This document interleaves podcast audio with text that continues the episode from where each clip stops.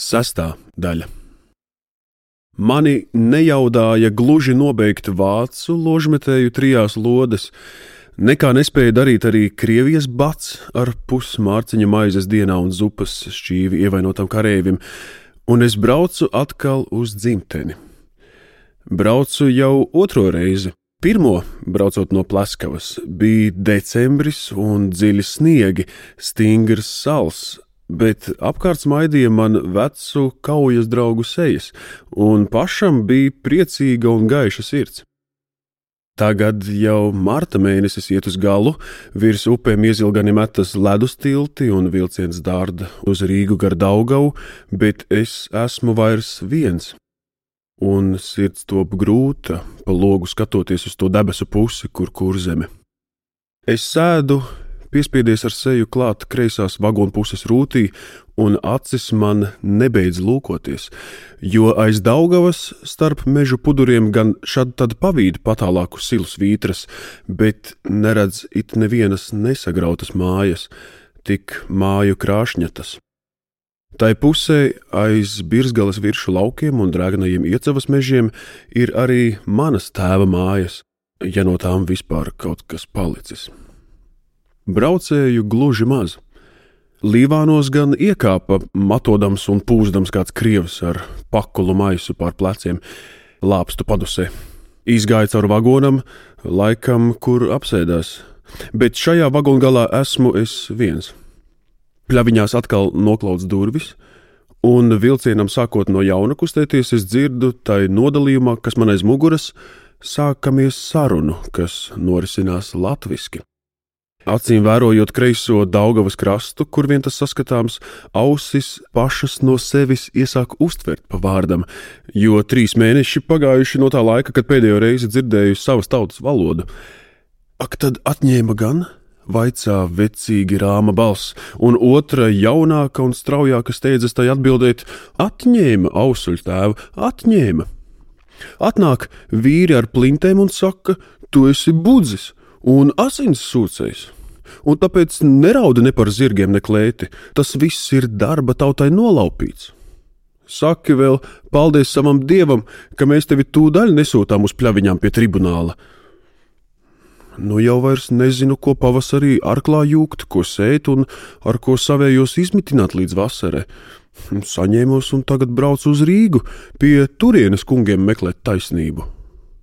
Vī par kungu tagad vairs neviena nedrīkst saukt, vecīgā balss piemetina, par to jau stingri strāpējot. Tagad par biedriem vien visi jāgodā. Kā tad? Arī tāds zellis, kas par zirgu zakšanu bijis cietumā vai bijis Sibīrijā?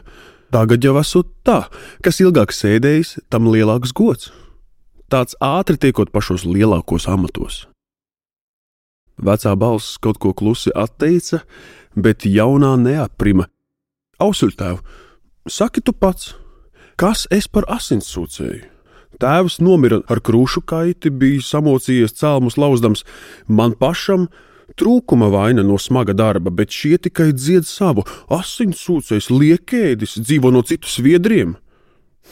Kas manus sviedrus skaita? Kas manas stundas rēķina? Ak, ausuļtēv!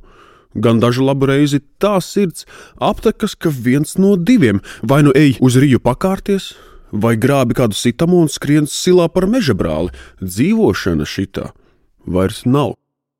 Vilciens pat labam drāzās pāri kādam tiltam, un valodas uz brītiņu vairs nebija sadzirdamas. Vai jūsu pusē neko nedzird par angļiem? jaunais ievaicājās.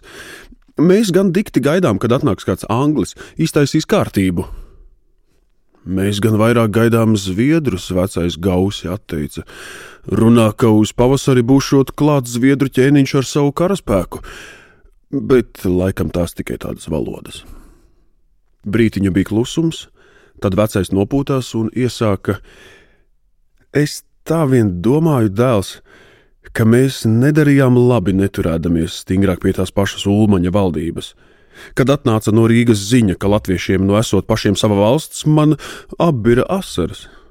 Saka, re, kur esam uzkāpuši ar lielo kara postu, bet Kad vajadzēja sākt palīdzēt pašu tautas valdībai, tad vienam bija tāda atrunāšanās, otram atkal tāda.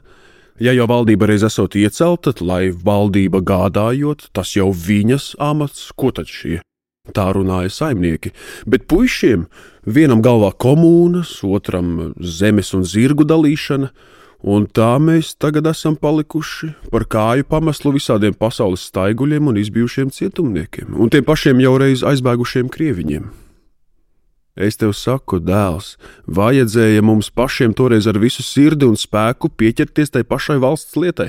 Tad tagad viss nevajadzētu domāt par kāršanos vai mežā skriešanu. Nevajadzētu vaidēt un gaidīt, ka citi nāks mūs glābt.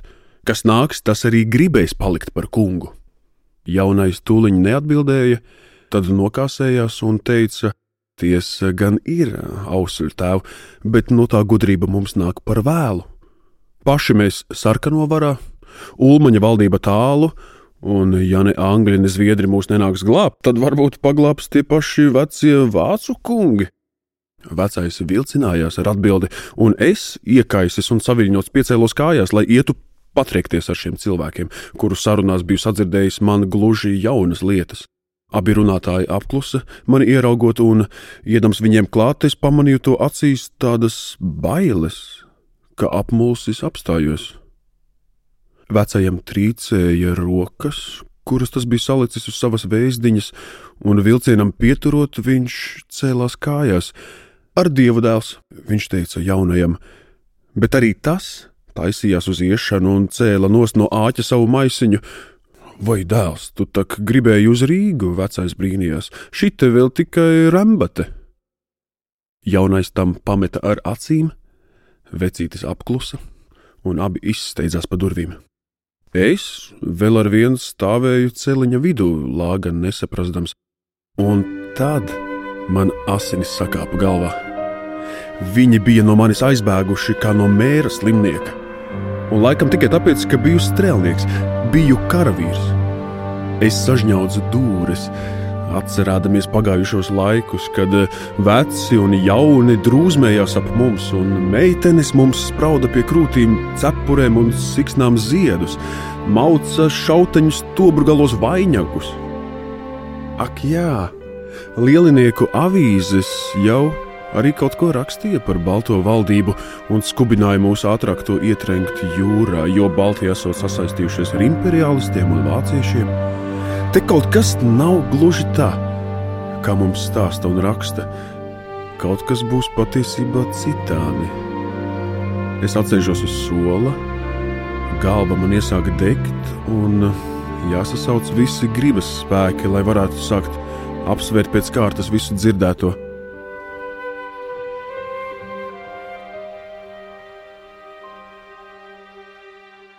Jaunais runāja par tagadējās valdības spaidiem. Tie esot tādi, ka zemnieka cilvēkam viņu dēļ jābāg mežā vai jakaras, bet turpat atkal pats bija gatavs gaidīt atgriežamies vāciešus. To iedomājoties vien, asins man iesita deniņos naida vilni, un atmiņā nostājās vecie kauju draugi. Ar vācieti mums karš līdz nāvei, kā atsaukdamies mana naida vilnim, teica Konrāds, gaisā paceldams savu milzīgo dūri, bet Miķelsons, pilns traka niknuma, atņirdzis lodes, izsistos priekšzobus, kliedz, kas ar fričiem pa draugam, to pie sienas. Es spiežu galvu rokās, acīs man iesākusi ņerbēt sarkana migla, un no viņas iznāk tēvs virsmežants pie labās rokas vezdams brāli Edgars, kam vairs nav sejas tik tukši acu dobumi bet kreisajā rokā tēvs tur paceltu šauteni, rāda to draudēdams un bises laidē tam iegriezti daudzi robi. Aiz tēva iesāk iznirt mātes tēls, un krūtīs viņai kvēlot trīs vāciešu ložu izurpti caurumi.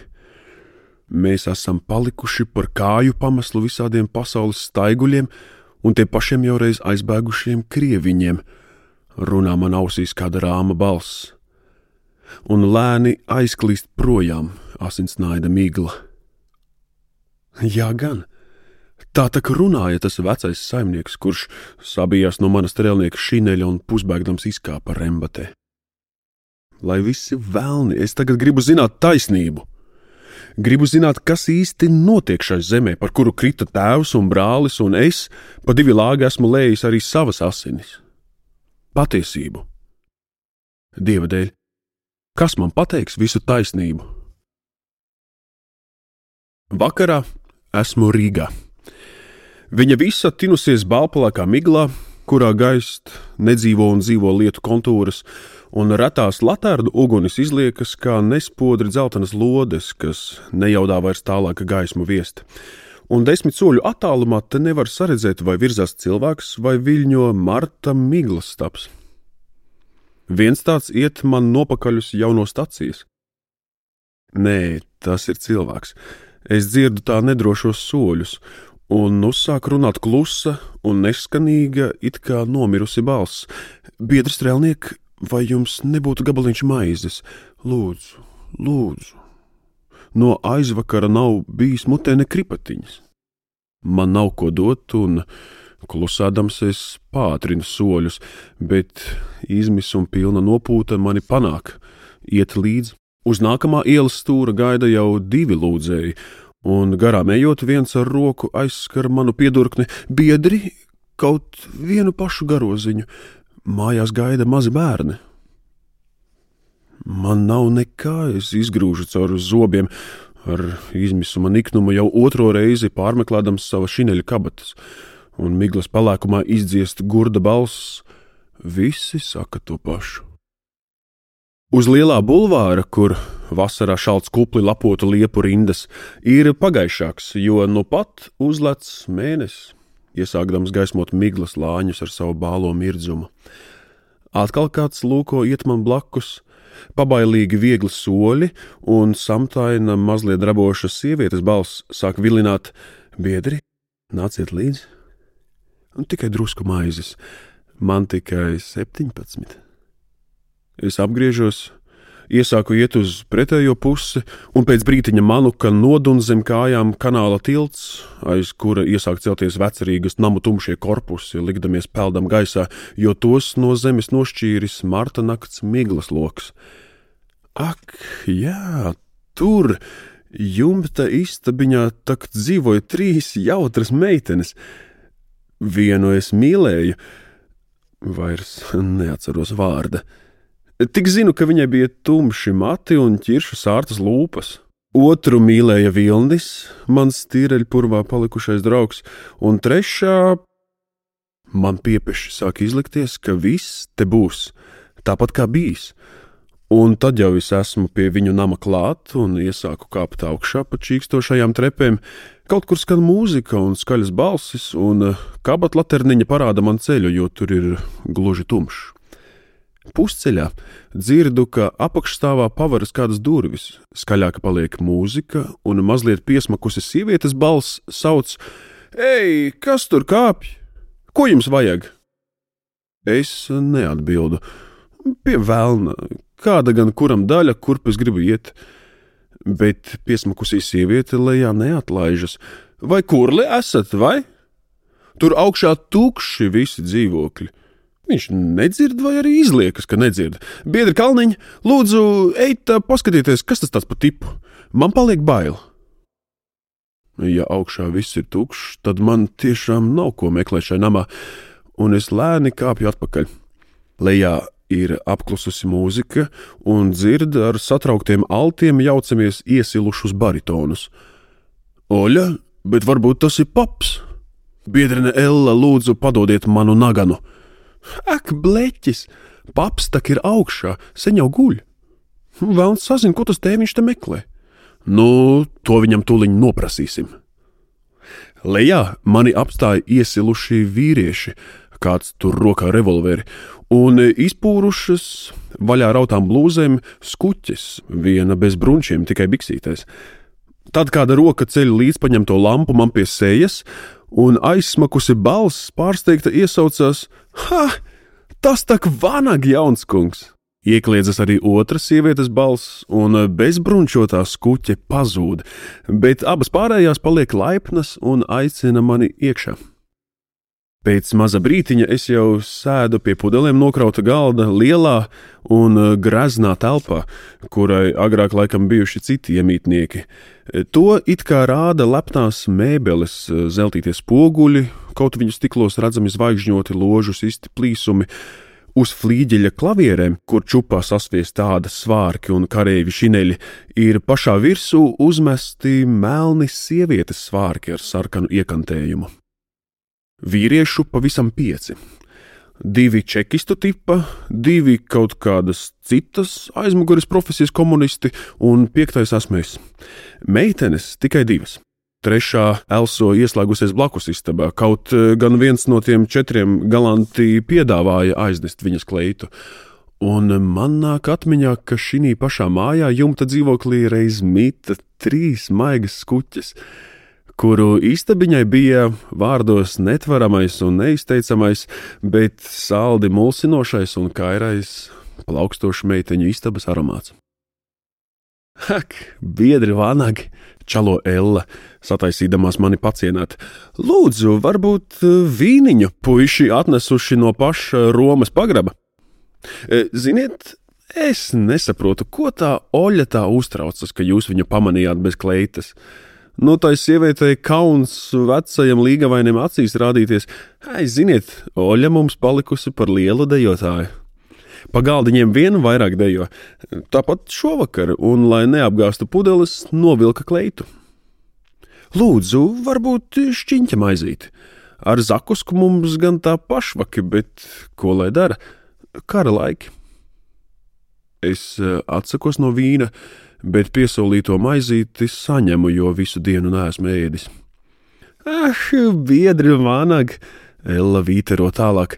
Mēs jau par jums tik bieži domājām. Kad Rīgā ienāca friči, mēs vai ikdienas skrējām uz jūglas pusi klausīties, vai nedzird atkal šaujam, domājām, ka mūsu puikas nāks atpakaļ. Nu, atnācāt ar, bet mazliet par vēlu. Kāpēc tad? Es prasu, nolikdams maizīti un taisīdamies celties kājās. Ah, lieta taču vienkārša. Tur nav ko apvainoties, Vanaga kungs. Viena otra, savējo gaidīdama pārnākam, iesākusi laist forši. Tas ir viss. Ella īsi iesmējas un nevar saprast, vai viņas balsī pārsvarā izsmieklis vai skumjas. Ellai ir bālzeltana seja, pieri apjozis aizdomīgu izsitumu lokus, bet acīs viņai tas pats jautrais vēlīgums, un viņas kaimiņš, blonds jauneklis ar savādi mirdzošām acīm, pasniedzies ievelk to sev klēpī. Ļoļa sēd galda otrā pusē, smēķē papīrus, pētoši skatās manī, un pa vecam tai lepni saknieptas sarkanās lūpas, bet sēņa nopūdarāta gluži balta, un redzokļos tā ir tas pats nemierīgais spīdums kā Ellas kavalierim gaišmatim un garajam ar bakurētāju no seju, kurš sēd ļoļai ieblakus. Uz galda stūra uzmeties ar mandolīnu rokās melnīgsnējs sārtvaidzis un iesāk raustīt stīgas, dungotām līdz Всё, чем держался их трон, дело рабочей руки. Сами набьем ми патрону, к ружьям приладим штыки. Dzeriet, biedri, skubina mani ceturtais, ielausta deguna un pavisam mazām, vaigos iegrimušām acīm. Labs vīniņš, burgundietis. Pats Stučka šito marku labi ciena. Daniševskis gan vairāk veco šampanieti, bet vecais Pēteris šito vīnu tura labāku par visiem citiem. Viņš piemetina, laikam gribēdams padižoties ar augstiem paziņām un viņu garšas pazīšanu. Paldies! Es atsaku, atbīdīdams nost glāzi.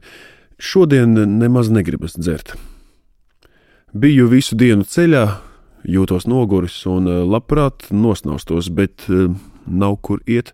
Dzīvotāji gatavi savā augstsirdībā mani guldināt blakus istabā, bet tur jau ieslēgusies Oļa, nelaiž nevienu iekšā, un Ella roda labāku izēju.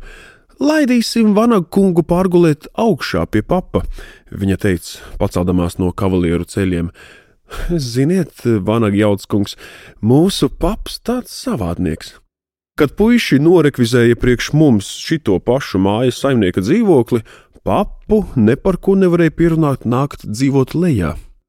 Arī ēst šurp nenāk. Ēd tikai to, ko mēs uznesam augšā. Jocīgi, vai ne? Mēs uzkāpām jumta dzīvoklītī, un Ella, mani novietojusi senajā meiteņu istabiņā, aizsteidzās atpakaļ. Es esmu noguris, bet šis gurums ir jau tik liels, ka pārgājis pāri parastās miegainības robežai, un es nevaru uzreiz iemigt. Kad beidzot acis sataisās kristi cieti, instinkts steidz mani modināt, sacīdams, ka šai istabiņā es neesmu viens. Tiešām istaba pilna palsas mēnesnīcas, un viņas atmirdzumā redzama pa pavērtajām durvīm ieķērusies izpūrusi sirma galva. Ko jums te vajag? Es iesaucos. Trūkdamies sēdas un pirmā acu mirklī neatcerēdamies, kur atrodos. To pašu es nu pat gribēju noprasīt jums, galva pikti atsaka. Lai gan tagad uznākuši tie trakie laiki, tak katrs cilvēks gan vēl drīkstēs zināt, kas guļ pa nakti viņa dzīvoklī. Mm, galvas vārdos ir sava nenoliedzama loģika, un tad es atceros, ka Ella bija stāstījusi par savu tēvu. Jūs laikam būsiet J. kungs, es apvaicājos. Jā, tas esmu es, vecais apstiprināja. Redziet, man ļoti jāatvainojas par mājas miera un kārtības traucēšanu, bet šoreiz tā iznāca. Ar jūsu meitu jaunkundzēm biju pazīstams vēl lielākā laikā, un šovakar, no jauna pārādies Rīgā, atnācu lūgt naktsmājas. Jaunkundzes to labprāt atļāva, un es vēlreiz izlūdzos jūsu piedošanu. Vecais ienāca istabā, un apsēdās uz kaimiņu gultas malas. Ak, tad jūs nesat viss no manu meitu tagadējiem paziņām, viņš noprasīja. Fui, nē, man paspruka. Nu, tā pavisam cita lieta. Vecais noteica, palikdams laipnāks, komunists arī nesat. Nē, tā jau domāju. Pēc tiem zvēra kalpiem tu neizskaties. Kas par eh, zvēra kalpiem? Nu kā, tu nesaproti? Tagad antikrista laiks, un zvērs tikai viens no tā Kristus mērkaķa daudzajiem vārdiem. Kas lasa Bībeli un vēro šitos vaidu laikus, tam viss ir skaidrs. Tas komunisms tak ir antikrista mācība, izķēmots evaņģēlijs, ticēšana vēderam, neticēšana garam. Vai tagad saprati? Gandrīz. Nu, redzi, nu, Vajag tikai skaidrs sirds un vērīgu acu, tad gaiši saredzams, ka šis ir tā zvēra atnākšanas laiks. Vai viņš būs garš? Es pieklājības labad ievaicājos plaukstā slēpdams žābas. Nē, šī ir antikrista pirmā atnākšana, kuras laiks būs tikai pieci mēneši, bet arī šai laika sprīdī cilvēkiem jācieš lielas mokas. Miegs izgaisa, Ienākot eh, galvā domai, ka no pustrakā veča varbūt varēs izzināt tādas lietas, par kurām baidīsies vai nevēlēsies runāt veselie. Vai rīziniekiem tās mokas ir ļoti lielas? Es vaicāju. Kā nu ne, dēls? Kā nu ne? Tā pirmā mocība ir ar badu, nav maizītes, un arī pirkt un pārdot nav brīvu. Un tā cilvēki krīt uz ielām no bada, Neviens tagad nekaunas ubagot. Mirst veci, apmirst bērni un tukšas izmirušas visas nabaga mājas, badu necieš tikai antikrista kalpi, un uh, tie, kas ar viņiem turas pa draugam, kā manas palaidnieces. Vecais nokāsējās un iesāka no jauna. Tā otra mocība ir ar miesas nošaušanu. Katru nakti tagad viņi Rīgā slaktē cilvēkus, citus uh, bružas mājā, kur tā galvenā slepkavošanas vieta, citus pie centrāla cietuma, šaipus ūdens torņiem un citus apšauja biķernieku ielā. Ap pusdienas laiku arestē, vakarā jau beigts un pagalam. Neviens pats cilvēks rītā uzmosdamies nevar galīgi droši teikt, ka dzīves sagaidīs otru rītu, un kas vainīgs pie tā antikrista kalpu trakošanas. Jūs, strēlnieki,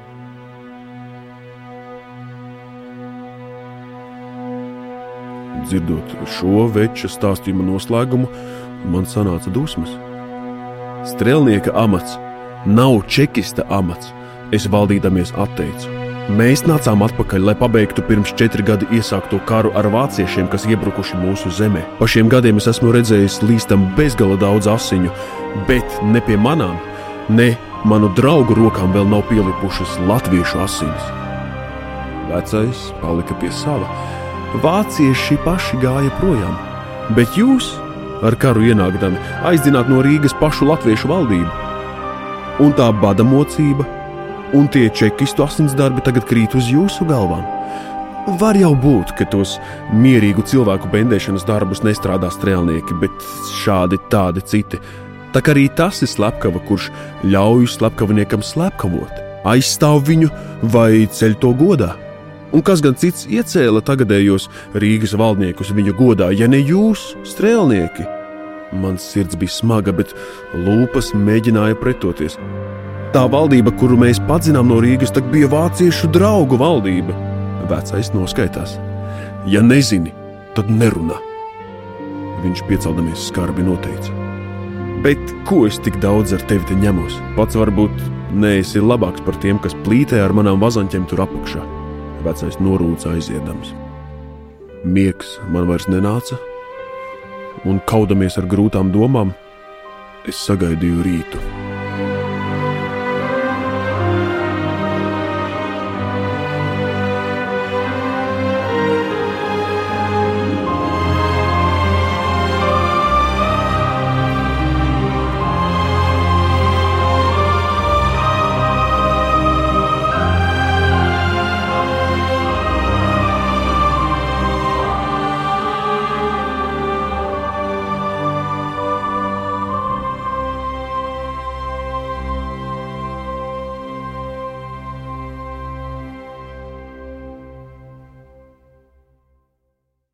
Izskanēja romāna Dvēseļu putenis, sestā daļa.